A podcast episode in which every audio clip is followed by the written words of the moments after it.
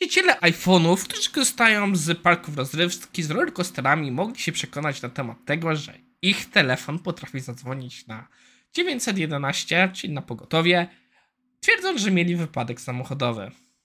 Nie wiem, czy to prawda, czy to fake, ale wydaje mi się, że to jest możliwe. A w dzisiejszym odcinku Dev vs Inżynier, to faktycznie techniczne, czas zacząć.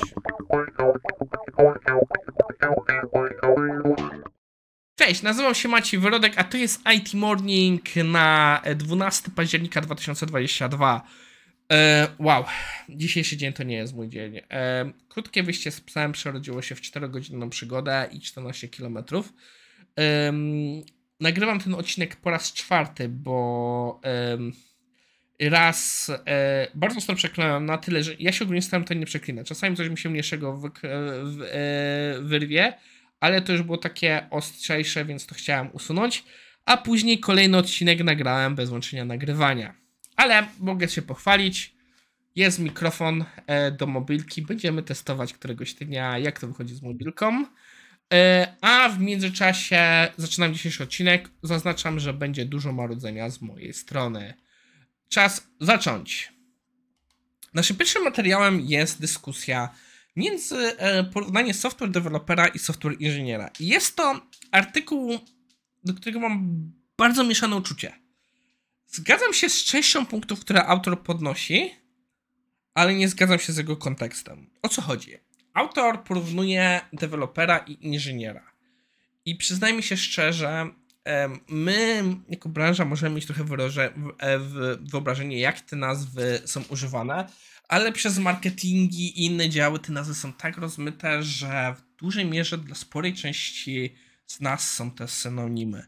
Jeśli patrzymy z perspektywy nazw w różnych firmach, ja myślę, że one są synonimami i nie warto e, wdawać się w tę dyskusję. Autor może próbować ze swojej strony w pewnym sensie te rzeczy pouporządkowywać i tak, taki jest mi się wydaje zamiast tego artykułu, ale z drugiej strony wydaje mi się, że rysuje linię w złym miejscu.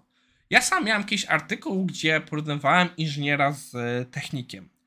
E, wynikało to z mojego doświadczenia, jak pracowałem z tatą, jak właśnie widziałem, jak on, osoba po studiach, magister, który po prostu ro, rozumie zasady fizyki i matematyki, jak urządzenia udojowe, które budował, działają, i technicy, którzy mieli szybkie szkolenie, jak pewne rzeczy się robi. Oni w rzeczach, gdzie byli przeszkoleni, ewidentnie radzili sobie o wiele lepiej niż on, bo oni mieli tam w konkretnych rzeczach przeszkolenie, on bardzo często te konkretne rzeczy wchodził od podstaw.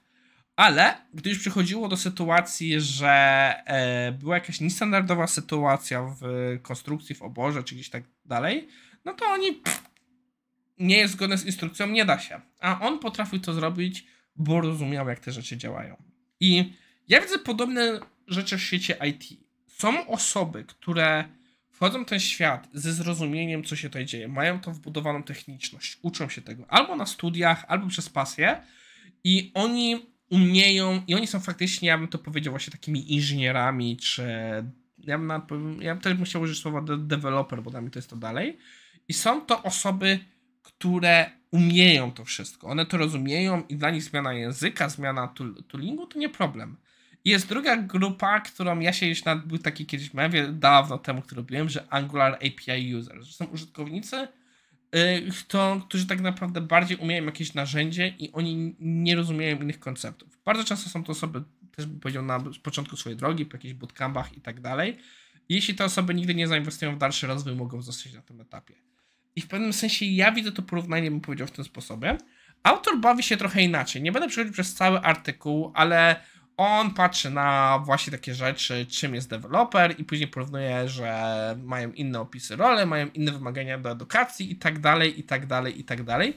I z tymi rzeczami ja, tak powiedziałem, nie potrafię się zgodzić. Z mojej perspektywy, jak widzę rynek, te nazwy są używane um, kompletnie inaczej. W sensie albo używają są jako synonimy w niektórych firmach, a w niektórych firmach e, każda z tych ról ma tak kompletnie inną definicję, sposób działania, że nie jestem pewien, czy potrafię się w tym wypadku zgodzić z, art, z autorem. Dlaczego ten artykuł przyszedł tutaj? Chciałem o tym trochę zaznaczyć, że, e, są takie jakieś różnice i być tego świadom. Natomiast nasz drugi artykuł e, chyba coś nie zadziałało. E, kliknijmy jeszcze raz. Może teraz zadziała, powinien zobaczyć, co się wydarzyło. jest poświęcony e, tezy autora, że CTO powinien być techniczny. E, teza mi się bardzo spodobała, pomysł mi się bardzo spodobał, ale już jego argumenty, ja się kompletnie z nimi nie zgadzam. No może nie kompletnie, ale z wieloma się nie zgadzamy. Zgadzam. Po pierwsze, autor zaczyna, żebyśmy się zdziwili, jak wiele CTO, czy VPE, czyli Vice President of Engineering, czy jakby tam to nazwać, yy, są dobrze, ale niekoniecznie wybitni technologicznie. No okej, okay, e, spoko. E, przydałby się przykładem. Z jednej strony ja jestem w stanie się zgodzić. U nas Head of Engineering e, jest osobą techniczną z doświadczeniem programistycznym. E, czy jest e, bardzo dobry? Nie wiem, nie, nie widziałem jego kodu. Wiem, że ma za sobą długą historię, więc podejrzewam, że jest co najmniej dobry. Nie wiem, jak jest naszym CTO, ale podejrzewam, że też może mieć gdzieś taki jakiś background. No i Autor mówi, że to jest taki chief architect i tak dalej. Dla mnie, przyznam się szczerze, jeśli patrzymy już na CTO i nie mówimy o małym startupiku, gdzie jest nasz trzy osoby na krzyż w, w engineeringu, to to już jest bardziej menadżer, więc z tej perspektywy nie jestem do końca pewien, czy się zgadzam z osobą. Idąc dalej, autor wchodzi w pewne powody, dla których uważa, że taka osoba powinna być techniczna. I znowu, Autor w pewnym sensie gdzieś mu definiuje techniczność, ale ja nie do końca jestem pewien, się z nim zgadzam. Dla mnie techniczność z perspektywy CTO oznacza, że on rozumie trendy, jakie są na rynku, rozumie, jakie mają podejścia, jakie mamy toolingi i jest na tyle z tym obeznany, że jak mu doradzamy z takimi rzeczami, jest nam w stanie, e, jest w stanie te decyzje podjąć, ale jest także w stanie zrozumieć e, po prostu na ile to się dzieje pod spodem, ludzie dyskutują. Nie znaczy to, że on musi być na tyle techniczny, że ma rozwiązywać te problemy, ale jest w stanie po prostu czasami chociażby challenge'ować wartości narzędzi, które mu proponują lub podejść, które proponują i, i być w stanie się dopytać o ich trade-offy i, zrozum- i zalety, jak się o nich mówi. Zakładając, że w ogóle jest to decyzja, którą on powinien podjąć, a może uważa, że to jest decyzja, która w ogóle powinna być podjęta poziom niżej, bez jego ingerencji. I pierwszą rzeczą, co autor zaznacza, że tak naprawdę CTO musi być techniczny, żeby rozumieć, e, być, być w stanie być sędzią jakości. O Jezus, e, to jest taki punkt, z którym tak bardzo nie potrafię się zgodzić.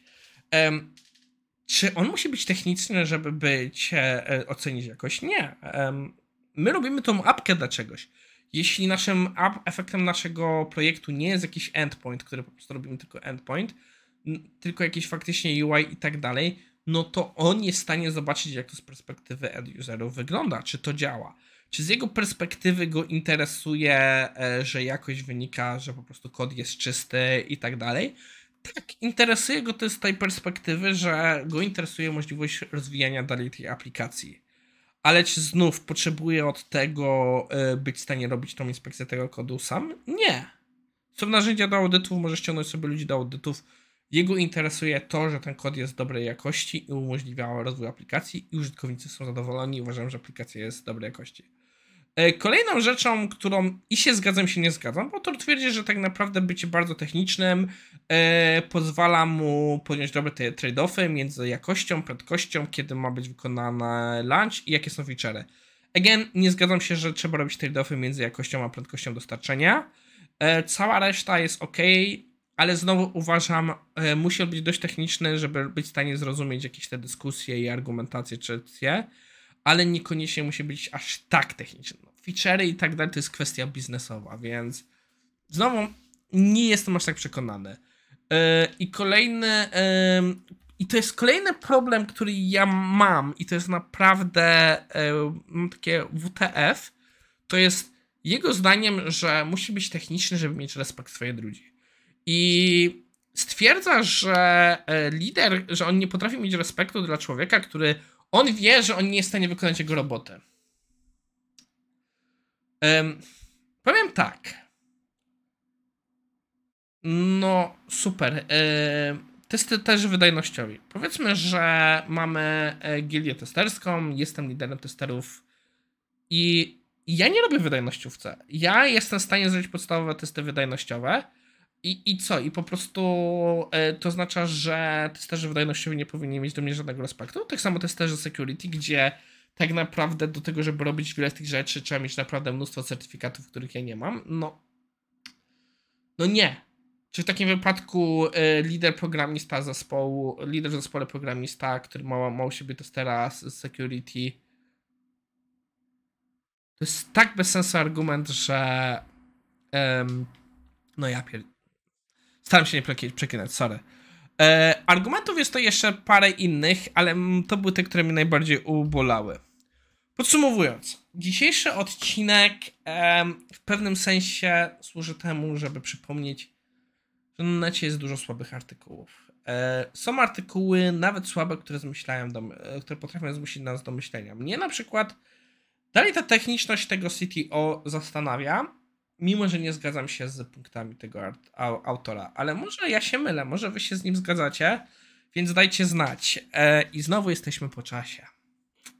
Maciek musi wrócić do formy i zostawać w czasie. To wszystko na dzisiaj. Do zobaczenia jutro.